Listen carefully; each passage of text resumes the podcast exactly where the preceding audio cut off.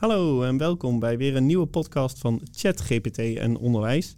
Mijn naam is Thijs en samen met mijn collega Lisa maken wij vanuit Metis Onderwijsadvies deze podcast. In deze podcast onderzoeken wij wat de invloed is van deze nieuwe AI-tool op het onderwijs. De opvallende luisteraar en kijker heeft misschien gezien dat wij onze naam aan het veranderen zijn. De invloed van AI op onderwijs. Aldoende leert men. En zo zijn wij erachter gekomen dat de ontwikkelingen op dit gebied zo snel gaan dat we beter breder kunnen trekken. Daarover later meer. Vandaag gaan we in gesprek met Jasper Schelling, hogeschooldocent aan de opleiding CMD van de Hogeschool Rotterdam. Welkom Jasper. Ja, hallo Thijs. Ja, Thijs, om maar gelijk even met onze nieuwe naam te beginnen. Uh, in december zijn we deze podcast uh, begonnen. Uh, met 100 miljoen gebruikers, twee maanden na de lancering, is ChatGPT de snelst groeiende internet-app voor consumenten ooit. Even voor de beeldvorming voor de luisteraar. Instagram had er 2,5 jaar voor nodig en TikTok deed het in 9 maanden. Dus... Ja, precies. Inmiddels heeft Google ook zijn language model uh, uh, gelanceerd. Uh, BART heet het. Komende weken wil Google de chatbot openbaar maken voor het bredere publiek. Oftewel, het zal niet blijven bij ChatGPT. En dan heb je het nog niet over de andere vormen van AI die toegepast zullen gaan worden in het onderwijs. Nou, vandaag zoomen we dan dus ook in op die ontwikkelingen van AI. En daar kan Jasper ons zeker meer over vertellen. We blikken terug, uh, want is deze toepassing nu echt zo nieuw? En hoe speelde uh, een organisatie, organisatie ook buiten het onderwijs in op deze ontwikkeling? Kunnen we leren van deze organisaties en, en welke ontwikkelingen staan ons komende jaren nog te wachten? Uh, zoals mijn collega Dennis afgelopen week zei, als hij iets leest over ChatGPT van dit kan het nog niet, dus daar moeten we op inzoomen. Kan die dat nog echt niet? Of kunnen we, kan die het nog niet? Hè? Dus welke ontwikkelingen kunnen we nou eigenlijk komende jaren uh, nog meer verwachten als het gaat om uh, AI? Dat zijn zeker goede vragen. Jasper, ik heb jou voor het eerst gezien tijdens een bijeenkomst van de Hogeschool Rotterdam. Je gaf daar een presentatie over hoe large language models werken en wat de verschillende toepassingen zijn binnen het onderwijs. Je bent ontwerper en onderzoeker en uh, uh, hogeschooldocent bij Communication en Multimedia Design. En je leidt studenten op tot de volgende generatie ontwerpers van gebruikerservaringen. Hoe komt het nou dat jij zo sterk verbonden bent aan dit onderwerp? Uh, dat heeft meerdere redenen. En uh, als we bij het onderwijs beginnen, dus inderdaad, ik leid studenten op tot, ontwerper, tot ontwerpers van digitale producten en diensten. En wat je daarbij ziet, is dat wij studenten leren om een mensgerichte ontwerper te worden. Dat betekent dus dat als het gaat over de beslissingen die jij als ontwerper neemt in het ontwerpproces, dan toets je die niet aan je eigen visie, maar die toets je aan die van de gebruiker. dus dat is een proces wat heel erg gebaseerd is op iteratie en testen en prototypen. En om onderzoek te doen naar de gebruiker en die context waar die gebruiker zich in bevindt, uh, hebben wij als ontwerponderwijs heel veel onderzoeksmethoden geleend uit sociale wetenschappen. En uh, die sociale wetenschap, methodes die wij geleend hebben, zijn hoofdzakelijk kwalitatief en kleinschalig. Het gekke is dat wij leiden studenten op tot het maken van producten die vaak grootschalig gebruikt worden en digitaal zijn. En daarmee dus data genereren over het gebruik. En onze kunnen dat niet lezen. Die kunnen daar niet mee omgaan. Nou, dat vond ik raar. En ik was uh, negen jaar geleden inmiddels uh, in de gelegenheid om mijn master te gaan doen met de, met de, met de lerarenbeurs. En dit was het onderwerp waarmee ik aan de slag wilde. Omdat eigenlijk toen al signalen waren van hé, hey, op het gebied van data, misschien ook kunstmatige intelligentie, gaan de komende tien jaar dingen veranderen. Nou ja, we zijn negen jaar verder. En ik denk inderdaad met die twee maanden naar 100 miljoen, dat we inderdaad nu op het punt zijn, oké, de veranderingen zijn er. En uh, we zien ze ook steeds meer en meer in ons dagelijks leven. En we moeten ook nadenken over wat dat betekent in ons dagelijks leven. Um, ik heb zelf in, uh, ook als ontwerper gewerkt. Ik heb er heel bewust voor gekozen om het onderwijs in te gaan. Waarom is dat? Is dat ik vind het maken van deze dingen fantastisch. Maar wat, ik, wat mij echt fascineert, is de manier waarop deze technologische ontwikkeling uh, verandert hoe wij met elkaar leven, wonen en werken. Ik ben geboren in de jaren 80. Ik puberde in de jaren 90 en mijn ouders die hadden twee regels in huis. Stap niet bij vreemde mensen in de auto en spreek niet af met mensen die je via internet hebt leren kennen. Nou moeten jullie mij vertellen wat anno 2023 Uber is. Ja. Ja, ja. je spreekt af met vreemde mensen via internet en je stapt er nog bij in de auto ook. Precies. Dus in de afgelopen 25 jaar is er iets gebeurd in hoe we met elkaar leven, wonen en werken. Door die digitale technologie, door die digitalisering, die maakt dat waar mijn ouders zeiden, moet je nooit doen, we dat nu elk moment doen. En zo zijn er legio van deze veranderingen. En het nadenken over die veranderingen, maar ook op de juiste manier richting geven aan die veranderingen, dat kan je vanuit het onderwijs op een veel grotere schaal doen dan wanneer je dat als individuele ontwerper gaat doen. Ik denk dat ik in de afgelopen tien jaar, nou we leveren met CMD eh, Rotterdam 100, 120 studenten per jaar af. Dus ik heb als het goed is nu iets meer dan duizend ontwerpers in de beroepspraktijk werken die vanuit deze gedachte onderwezen zijn. Nou, dat vind ik een mooi idee. En uh, dat vind ik een mooier idee dan, uh, dan heel specifiek met uh, of de ene app of de andere app of weer met een product bezig zijn. En, en je gaf net al in het, de introductie gaf Thijs aan van hij heeft jou gezien bij als presentatie bij Hogeschool Rotterdam. Je gaf net al aan in ons voorgesprekje van hij is inmiddels al 10.000 keer bekeken. Wat maakte het dat ze jou vroegen om die presentatie daar te geven? Nou, dan moet ik even uitleggen. Dat programma, dus we hebben binnen de hogeschool een programma. Het heet AI en ethiek. En het doel van dat programma is eigenlijk om deze ontwikkelingen te duiden en richting te geven. Dus we hebben dat programma ingericht om met elkaar uit te zoeken als hogeschool wat gaat AI betekenen. Want dit is zo'n grote transformatie dat dat alle opleiding en al het onderwijs gaat raken. En we maken daar ook onderwijs over. We verzorgen dus ook dit soort lezingen. En het doel van die lezing was eigenlijk ook van nou, want kunnen we Ehm, kunnen we op een duidelijke manier uitleggen waar docenten nu precies naar zitten te kijken. Want wat je natuurlijk zag, het was uh, onmiddellijk aan vanaf 1 december. De krantenkoppen konden niet op. Uh, het was het einde van het onderwijs. Het was voor de zoveelste crisis in de Nederlandse media. En dat was het moment dat ik dacht, ho jongens, wacht even. Ehm, we hebben er veel meer baat bij als we een breed gedragen begrip ontwikkelen van wat deze technologieën zijn, wat de voor en tegen zijn, wat de impact is. Eh, wie deze technologieën op ons afwerpen. Uh, want daar zitten ook allerlei haken en ogen aan. En uh, ik heb zelf een ontzettende hekel aan goeroes. Uh, omdat ik denk dat iedere, nou in het geval van de hogeschool, iedere docent gewoon een stukje van het antwoord in zich heeft. En dat het ook belangrijk is dat iedereen zeg maar dat stukje van het antwoord gaat ontdekken. Um, en ik zodoende dus eigenlijk ook nu voor ijver om ervoor te zorgen dat ik het zoveel mogelijk goed uitleg zodat mhm. zoveel mogelijk docenten voor zichzelf kunnen gaan uitzoeken: oké, wat betekent deze ontwikkeling voor mij? Hoe raakt dit mijn onderwijs? Hoe raakt dit mijn vakgebied? Uh, uh, hoe leid ik nieuwe professionals op in een wereld waar dit normaal is? Ja, dus eh, misschien gelijk om dan maar uh, daarop in te haken. Wat, wat is het precies? Um, wat is ChatGPT? ChatGPT is een applicatie die door OpenAI gebouwd is bovenop hun taalmodel GPT 3.5. En OpenAI ontwikkelt al een aantal jaren uh, taalmodellen. Dus er is een GPT-2 en een GPT-1. En ehm, wat we eigenlijk nu voor het eerst zien, is met de ontwikkeling van ChatGPT, dat waar we voorheen zagen van oké, deze modellen die kunnen iets met taal generatief gezien, zien we eigenlijk nu pas uh, ook daadwerkelijk nuttige taal en nuttige toepassingen ontstaan van dat generatieve taalmodel. Dus dat. Ja, en, en wij aldoende zijn we natuurlijk ook uh, veel aan het luisteren, want aan zich is die um, is dat taalmodel zo nieuw nog niet, toch? Dat, ja, een van de dingen die tot, tot, zeg maar, tot deze ontwikkeling heel lastig was voor deze specifieke techniek van neurale netwerken, dat was om de structuur van taal te leren. En met het, uh, met het, eigenlijk met het uitvinden van de transformer-architectuur uh, zijn er nu neurale netwerken die beter in staat zijn om de context te leren van taal. Want wat dit model leert is niet zozeer de betekenis van een taal, maar veel meer statistisch gezien hoe groot de kans is dat het ene woord zich uh, volgt op de andere. Als ik zeg de kat loopt op de straat, de muur, dan is dus het woord met de hoogste kans de. Ja, oké. Ja, ja, ja. En daarna ga je weer een dobbelsteen gooien. En dan is er dus inderdaad, als ik nu nog iemand zou vragen en die zou ook zeggen op de straat, dan is dus de kans hoger dat het model de kat loopt op de straat genereert, dan dat het zegt de kat loopt op de muur. Hmm, Oké. En um, als je dit dus maar met, en dat, dat is eigenlijk de, de, de, innovatie, als je dit dus maar met he, genoeg data doet, bij wijze van spreken alle tekst op het hele internet, um, dan zijn deze modellen dus ook in staat om teksten te genereren die voor ons plausibel overkomen. Maar het is heel belangrijk om je te realiseren dat um, deze modellen begrijpen alleen de statistische structuren, niet de tekst.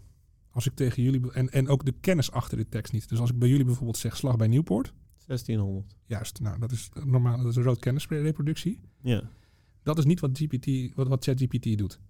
Ze, hij- er is niet ergens een database van feiten waar op het moment dat ik bijvoorbeeld bij eh, een zoekmachine intik slag bij Nieuwpoort, dat dan vervolgens het bovenstaande resultaat wat daar staat is de Wikipedia pagina over de slag bij Nieuwpoort om 1600. Dat is niet hoe het systeem werkt, want dat systeem is deterministisch. En zo'n ChatGPT, zo'n taalmodel, is probabilistisch en werkt dus met kansrekening. Ja. Dus het is eigenlijk een hele slimme dobbelsteen die je gooit. Ja. Ja, ja, ja, ja. Oké. Ja, dus er zijn en- eigenlijk eh, studenten nu, eh, die worden eigenlijk blootgesteld aan een hoop kansberekeningen. Ja. Eh, en dan is natuurlijk de vraag van, die ontwikkelingen gaan dus zo snel. Eh, wat, wat moeten, waar moeten we studenten eh, eh, voor, waar leiden we ze nu voor op? Hè? Want hoe, kan, hoe beïnvloedt dit het werkveld? Zie je, wat voor ontwikkelingen zie je daar nu in? Ja, daar zijn hele grote discussies over. Dat, en dat heeft met van alles en nog wat te maken. Maar wat ik tot nu toe een fijne manier vind van om erover na te denken, is dat. Ik weet niet hoe goed jullie kunstgeschiedenis is. Eh, die voor mij zeer beperkt. Oké, kennen jullie het schilderij La Trahison des Images van eh, Magritte? Ook wel bekend als Cecine pas un pipe, het schilderij van een pijp. Eh, de de Ja, ja, zin ja. ken ik wel, maar de, wat ik zei, mijn kunstgeschiedenis is niet je van het. Nou, een van de dingen waar Magritte ons eigenlijk al mee confronteerde, zeg maar, vanuit schilderkunst begin jaren 20, of sorry, begin 20e eeuw, dat was dat beelden en dat schilderijen dus ook niet een pijp zijn. Ze zijn niet echt. Dus, dus we zijn al veel langer gewend van beelden dat we naar constructies zitten te kijken. Terwijl tot nou ja, 1 december 2022, als we heel dramatisch willen doen, ehm, zien we eigenlijk dat we nu voor het eerst geconfronteerd worden met teksten die voor ons plausibel lijken, die op een pijp lijken, maar geen pijp zijn. Want het zijn statistische patronen die voor ons plausibel overkomen. Ja, mooi. Wij hebben die afbeelding, want nu je het zegt, herken ik hem. Vanuit de assessorentraining gebruikte me wel eens, hè, met Mhm. observeren van wat Ja. zie je nou daadwerkelijk. Ja. En eigenlijk, nou ja, is dat een mooi voorbeeld van een, van een plaatje van waar zit je nou eigenlijk naar te kijken. Maar eigenlijk moeten we dat nu gaan leren met teksten. Van waar zitten Ja. we nu eigenlijk naar te kijken. Ja. En ehm, de volgende vraag die je dan moet stellen is dat als dat dus nep is, maar wel betekenisvol, hoe erg vinden we dat? Ik denk dat dat de vraag is. Als het bruikbaar nep is. Op het moment, oh sorry, op het moment dat je gaat zeggen van het is, eh, het is alleen maar bullshit, dat is niet helemaal waar. Want je ziet wel degelijk dat mensen er nut in vinden. Eh, dus het lastige is dat waar we dus geen antwoord op hebben en wat we eigenlijk moeten gaan uitvinden opnieuw, is dat hoe zijn deze toepassingen nuttig? Waar zijn ze nuttig voor? En waar zijn deze teksten nuttig voor? Ik bedoel, ehm, je ziet bijvoorbeeld in de dienstverlening eh, mensen die nu eh, digitaal, op digitale klantenservice werken.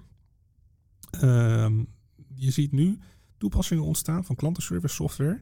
Waarbij als het gaat over het samenvatten van een gesprek met een klant. Of het, het, het genereren van een antwoord. Of het ehm, beleefd maken van een antwoord. Dit zijn functionaliteiten die nu toegevoegd worden met behulp van dit soort taalmodellen aan dit soort software.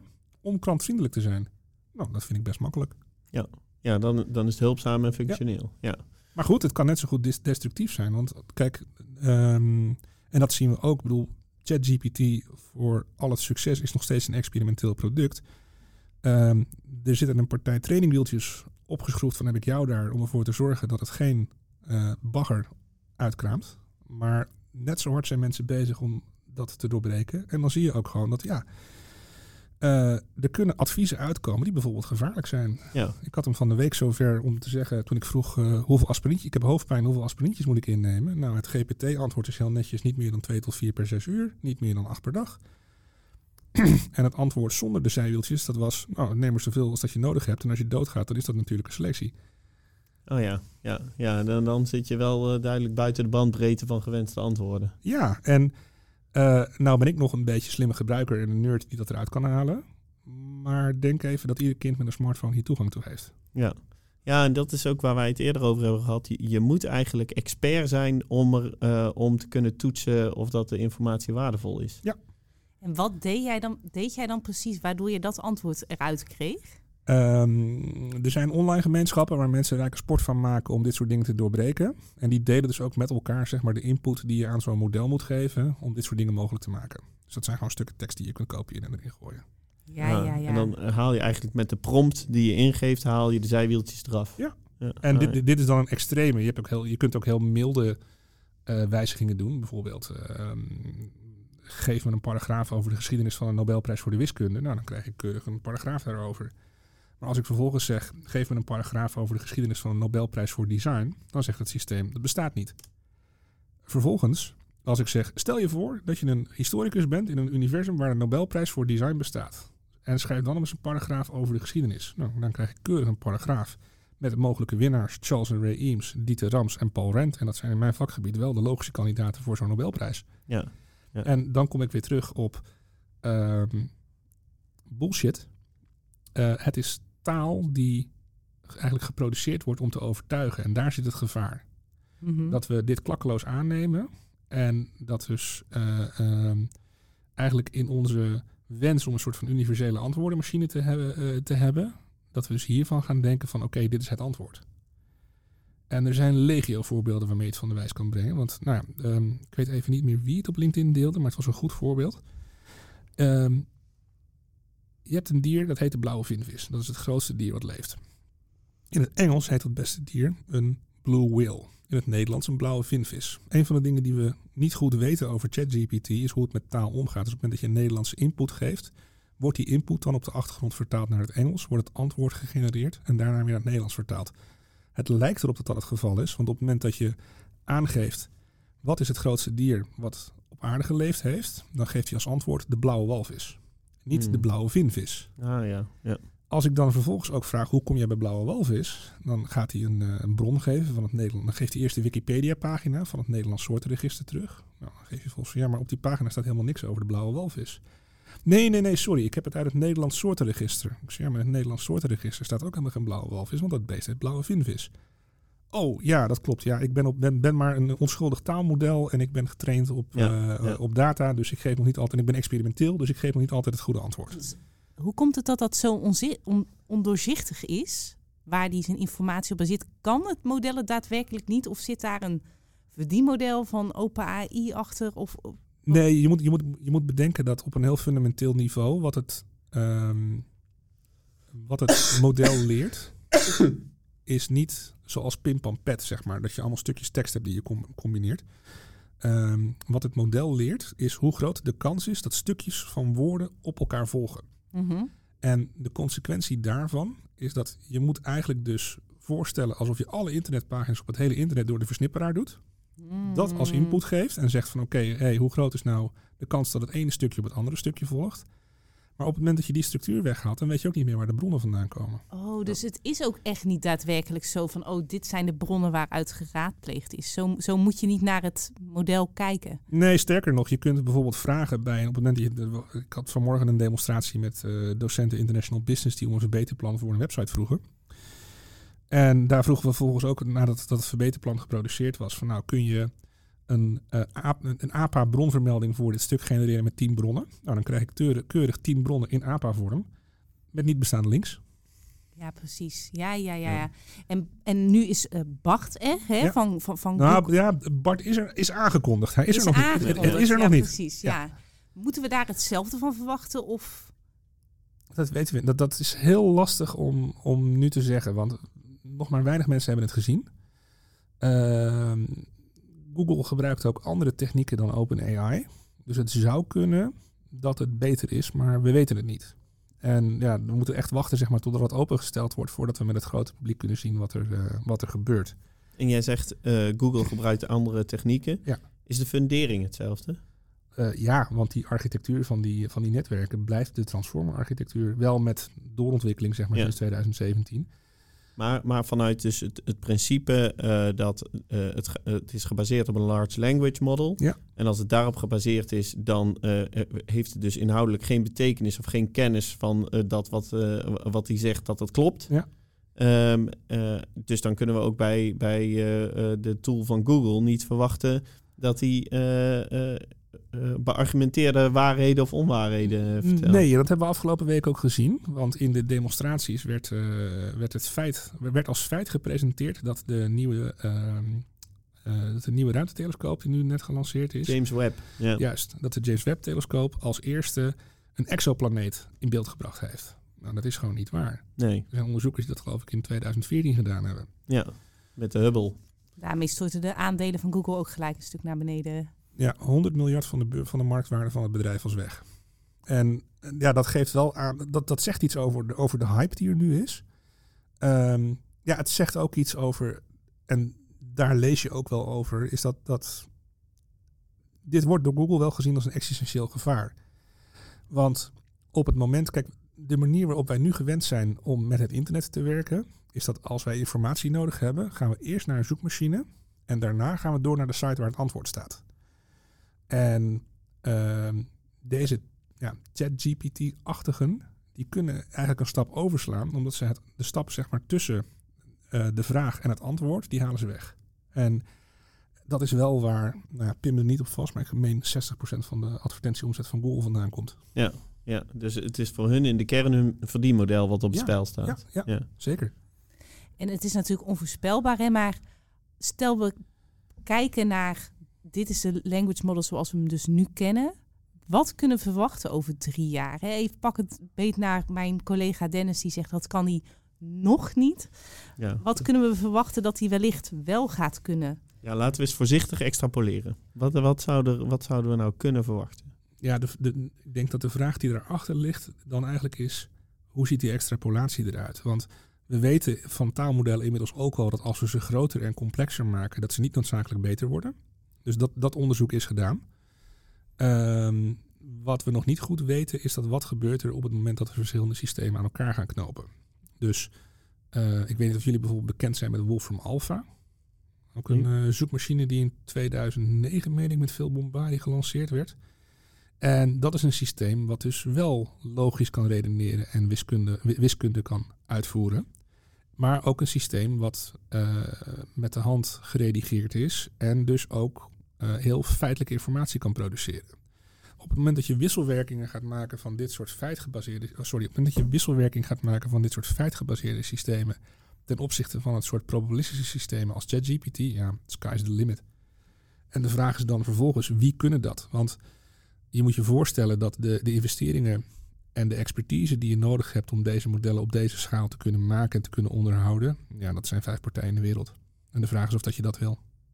Ja, en de, uh, zeg, dan heb je dus over de Facebook en de Google. En ja, uh, die, ja. die kunnen dat maken. En wat je eigenlijk zegt is dat er uh, verschillende technieken aan elkaar moeten worden gekoppeld. Het, het is niet alleen maar het, het taalmodel. Ja. Het, er moet eigenlijk het geweten wat er nu nog ontbreekt, dat, dat kan er via andere technieken aan toegevoegd worden. Ja, maar dan moet je even bedenken wat je nu vraagt. Wat je dus nu vraagt is dus een, is dus een systeem wat feitelijk van alles op het hele internet kan vertellen wat waar is en niet waar is. Nou, dat, dat is een ongekende macht. Ja, maar daar zijn we ook gewoon nog niet. En dat gaat ook echt niet gebeuren de komende tijd. Oké, okay, oké, maar dat is wel interessant. Dat gaat niet gebeuren. Nee. Oké. Okay. En wat gaat er wel gebeuren? Nou ja, we, eigenlijk wat je nu ziet is dat we ons af moeten vragen, zeg maar, als je het... Kijk, deze vorm van AI is een vorm van um, narrow AI. Dat betekent dat um, deze systemen vooral taakgericht opgeleid worden. Dus de taak die ChatGPT gekregen heeft, is om te voorspellen hoe groot de kans is dat het ene woord volgt op het andere woord. En de consequentie daarvan is dat omdat de inputdata zo groot is, kan het voor heel veel verschillende dingen die voorspelling maken. Maar wat het fundamenteel nog steeds doet, is die voorspelling maken. En, uh, maar dat betekent dus bijvoorbeeld ook, tenzij dat allemaal doorontwikkeld wordt, uh, dat als het gaat over rekenen, als ik in de inputdata maar vaak genoeg volhouden dat uh, 10 keer 10 90 is en niet 100, dan zal dus een taalmodel ook altijd zeggen 10 keer 10 is 90 en niet 100. En die voorbeelden zien we nu ook. Ja. Dus daar zit een. Uh, ja, daar zit. Daar, daar, daar, daar zie je eigenlijk dat de, de vraag die we nu moeten beantwoorden is dat welke talige taken die mensen nu hebben, uh, kunnen uitgevoerd worden door dit systeem wat, dat voorbeeld wat ik net gaf met die digitale klantenservice, een, een e-mail iets beleefder maken. Um, een uh, samenvatting van een gesprek geven. Uh, dit soort talige taken doen wij als mensen nu, maar dit is ook wat zo'n systeem kan doen. Ja, maar dat heeft dus nogal invloed op het werkveld. Ja? Voor, degene die eigenlijk nu al een studie journalistiek bijvoorbeeld doen. Ja. Of de uh, opleiding voor directiesecretaresse. Mm -hmm. uh, dat, hebben die, die opleidingen nog uh, bestaansrecht of moeten die grondig worden herzien? Ik, nou, ik denk dat die opleidingen bestaansrecht hebben.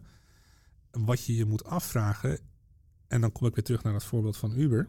Hoe verandert, hoe verandert de wereld? En je moet op die veranderende wereld inspelen. Ik denk dat, dat een directiesecretaresse, sociaal gezien, dat je die nog steeds nodig gaat hebben. Maar ja, we hebben ook geen mensen meer die de lampen aansteken in de stad. Dus daar zit. De, de, de vraag is heel erg, zeg maar, welke taken en functies zijn het die bepalen of dat we zeggen van oké, dit willen we automatiseren. Of nee, het is beter als we dit mensen laten doen. En dat, zie, maar, en dat, maar dat geldt voor al, alle hedendaagse toepassingen van machine learning. Zeg maar, als jij. Uh, er is bijvoorbeeld onderzoek naar het, uh, het detecteren van kankercellen bij mammografieën. En machine learning algoritmes doen dat beter dan getrainde oncologen. Dus dat betekent dat als het gaat om het opsporen van borstkanker, dat we dat met, met machine learning modellen nu beter kunnen dan voorheen. Alleen accepteren wij als mens dat het systeem zegt: er is een kans, je moet nu aan de gang. Of hoor je dat toch liever van de arts? En dan is de vraag, zeg maar, veel meer van: nou, is dit, wat is de plek waar we dit systeem gaan positioneren? Is dit een, uh, is dit een tool waarmee we oncologen ondersteunen? Of is dit een tool waarmee we de oncologen wegbezuinigen? En Ja. dan kom je weer op de economische vraag. Nou, het is wel even mooi, vind ik, want wij hebben de afgelopen afleveringen heel erg ingezoomd op het onderwijs. Laten we die slag ook straks gaan maken. Um, maar om gewoon eens even tot de kern door te dringen wat die tool nou echt daadwerkelijk uh, inhoudt. Hè. En dat is inderdaad wel een van de dingen waarvan jij zegt, dat ben ik nou proberen ook in de hogeschool hè, duidelijk te maken. Um, net op de heenweg hier naartoe had ik met iemand telefoongesprek die zei, ja, mijn dochter uh, moet nu de profielwerkstuk op school gaan maken, hè, want ze mag uh, niet meer bij dit soort tools komen.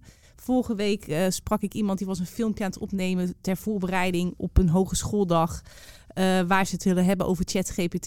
En hij zei: iedere student die voor de camera kwam, daar merkte je een beetje aan van, oh, uh, ik wil eigenlijk niet echt zeggen dat ik dit gebruik. want uh, ja, weet je, er zit er bijna gelijk het uh, ticket, het etiket, jij pleegt fraude op mijn op mijn voorhoofd. Dus dat is ook wel een ontwikkeling, die zie je natuurlijk ook heel erg terug in het nieuws. Ja. Hoe, hoe kijk je daarnaar? Um, hoe ik er naar kijk? Nou ja, kijk, dat is denk ik een vraag van welke vermogens wil je menselijk houden? En uh, linksom of rechtsom denk ik dat het goed is als, uh, als je je er daarop richt om dat mogelijk te maken. Maar dat is niet iets wat eigen is aan, uh, aan de techniek. Dat is veel meer eigen aan degene die de techniek inzetten. Zeg maar, we zien nu al met de OV-chipkaart dat ouderen er niet meer uitkomen. Dat mensen niet in staat zijn om het pasje op te laden, om het pasje te gebruiken. Mensen die klem komen te zitten omdat ze slecht ter been zijn tussen de poortjes. Omdat de poortjes geformuleerd zijn vanuit een mensen mogen hier geen misbruik van maken. In plaats van mensen moeten hier goed door kunnen perspectief.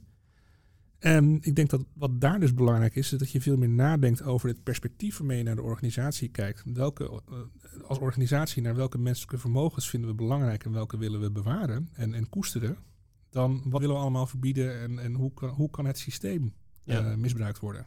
Ja, dus eigenlijk is de vraag, wat willen we ermee kunnen? Kijk, en, en, tegelijkertijd, hè, dat, dat, dat, dat, dat is al een vraag die zo oud is aan de, als, als de wereld. Hè. Ik weet niet of het Socrates of Plato was, maar een van de twee heeft ook opgeschreven eigenlijk over de teloorgang van de, van de gesproken cultuur. Wat tijdens de uitvinding van het schrift mensen dingen gingen opschrijven in plaats van onthouden en reproduceren.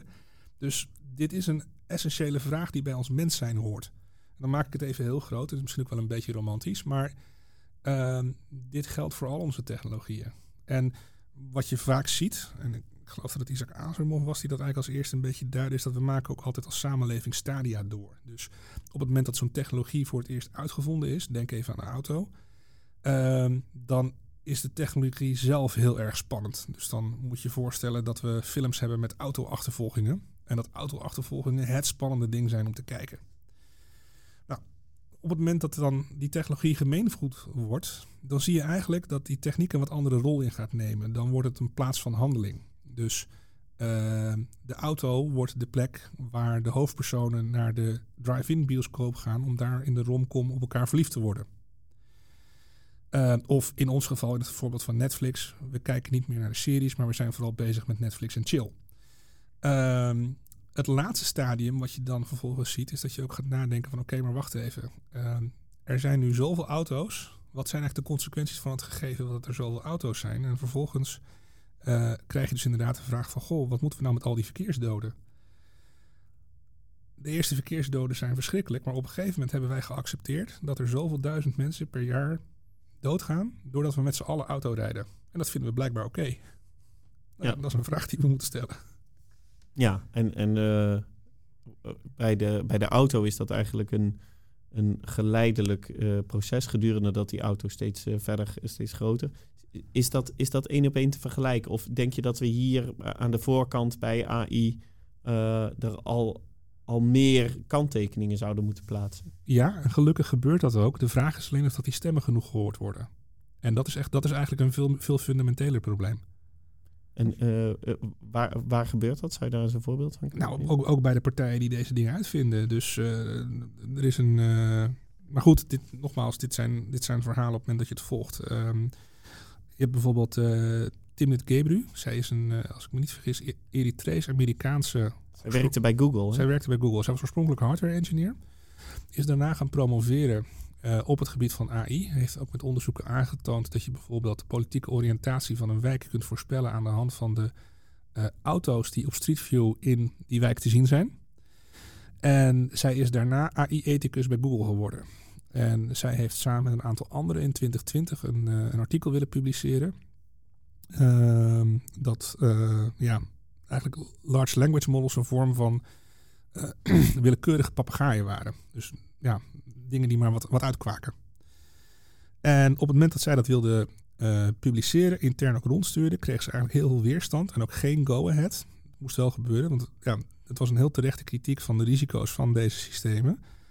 En uh, dat kon ze eigenlijk vervolgens bekopen met haar ontslag.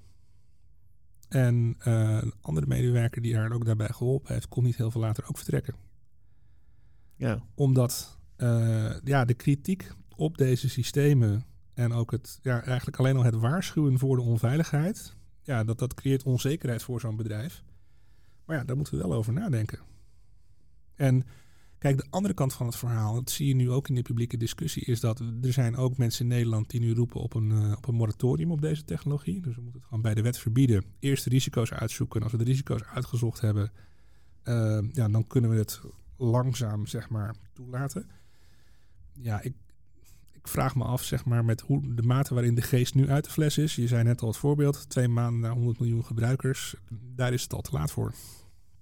Ja. En ja, dat, dit is wel een kenmerk wat we nu zien met hoe gedigitaliseerd we geworden zijn. De ontwikkelingen gaan steeds sneller, maar komen ook steeds korter op elkaar. En ja, daar zie je ook gewoon het versterkende effect. Dus uh, het is inderdaad OpenAI, Google, um, Meta, uh, Microsoft die de infrastructuur hebben om deze dingen te maken. Uh, ook de data hebben om deze dingen te maken. En de partijen die dat niet hebben, ja, die hebben het nakijken. Ja. En ja. Ja, dus wat ik heel erg hier uithaal is goed kunnen vatten. En ik denk dat je dat mooi gesamenvat hebt van wat, wat is ChatGPT nu precies? Wat is een large language model nu precies? Maar ook inderdaad van waar komt het dus vandaan? Hè? Dus, dus, dus inderdaad de concurrentiestrijd die je dus nu vooral tussen Microsoft en Google goed ziet. En wat voor nou ja, dingen dus ook zelfs binnen Google al gespeeld hebben. Om dat ethische vraagstuk eigenlijk boven water uh, uh, te krijgen. En eh, is daar wel genoeg aandacht voor? Ja, en is daar ook de juiste aandacht voor? Want er is bijvoorbeeld een, uh, had afgelopen zomer een bekend verhaal. Een verhaal wat, wat enorm rondging over een uh, Google-engineer die ontslagen was. omdat hij ervan overtuigd was dat het taalmodel zelfbewust geworden was geworden. En dit is het verhaal in de media. Dat deze man ervan overtuigd was dat het model zelfbewust geworden was. Maar dat is niet het geval. Wat deze man heeft willen aankaarten, op het moment dat je wat, wat verder leest en uh, inleest in de situatie, dat is de positie van gelovige mensen binnen Google. Omdat zijn ervaring was, als ik geloof dat hij agnostisch christen is, eh, dat hij binnen het bedrijf minder serieus genomen werd omdat hij, Goog- omdat hij religieus was. En wat hij vervolgens heeft willen doen om dat aan te kaarten, is te zeggen: ja, maar ik geloof dat onze modellen zelfbewust zijn. Nou, kijk, even los van de schaal. We hebben het over matrixvermenigvuldigingen. Je gaat mij niet vertellen dat we zelfbewust, dat, dat, dat, dat, dat, dat bewustzijn en, en zelfbewustzijn, ook in de systemen, dat dat, dat, dat hoeveel het er ook zijn, een kwestie van matrixvermenigvuldigingen is. En het lastige is dus dat de manier waarop dit verhaal in het nieuws komt, dat is om ja, eigenlijk een beetje een rare nerd die ervan overtuigd is dat het. ehm, Dus je zegt er sprake van framing eigenlijk. Weet ik niet, want dan, dan framing zou betekenen dat er een incentive is om het te doen. Ja. Terwijl wat er veel eerder gebeurt is dat de kennis over deze ontwikkelingen ongelijk verdeeld is en mensen daardoor aannames doen, incomplete informatie gebruiken, slechte metaforen. eh, eh, die maakt dat we eh, in het tempo waarin deze veranderingen ons veranderen, niet mee kunnen komen met wat we begrijpen wat die veranderingen zijn. Ja, en, zijn er nu bedrijven waarvan je zegt, nou dat zijn wel voorbeelden hoe nu al in een vrij korte tijd dit soort toepassingen gebruikt worden? Of is het daar nog echt te vroeg voor? Nee, nou kijk, ja, kijk, er, zullen genoeg jongens en meisjes op, op, op, op Twitter of Insta of TikTok roepen dat ze, dat ze jou de beste tips kunnen geven voor hoe je met ChatGPT aan de gang kan gaan. Maar ehm, nee, het we zitten echt nog in een hype stadium. Dus, dus eh, en maar reken maar dat, eh, dat er, dat, kijk, er zijn legio toepassingen. En de vraag is of dat, en dat is wel een grote vraag die erachter zit, of dat je dus eh, specifieke modellen nodig hebt voor specifieke taken of dat meer generieke modellen zoals ChatGPT genoeg zijn. Want dat laatste betekent dat OpenAI dus eigenlijk heel erg op de infrastructuurlaag van digitale producten en diensten kan zitten. Terwijl andere partijen dat niet kunnen. Tegelijkertijd, als jij eh, een podcast wil monteren of als je een videobewerking wil doen, dan heb je niks aan de modellen van OpenAI. Want die zijn er niet op getraind. En dan moet je bij een andere partij zijn. Dus dat zoeken en vinden zeg maar, van welke taken, welke modellen zijn daar geschikt voor. Ja, dat is, eh, dat is Eh, lastig. dus jij geeft nu eigenlijk aan dat dat nog gefragmenteerd is. En, Ja. en als we een blik nog iets verder vooruit in, in de toekomst zouden werpen, ver- verwacht je dat, dat, dat er eh, vernuftigere AI-modellen komen waarbij die verschillende taken geïntegreerd worden?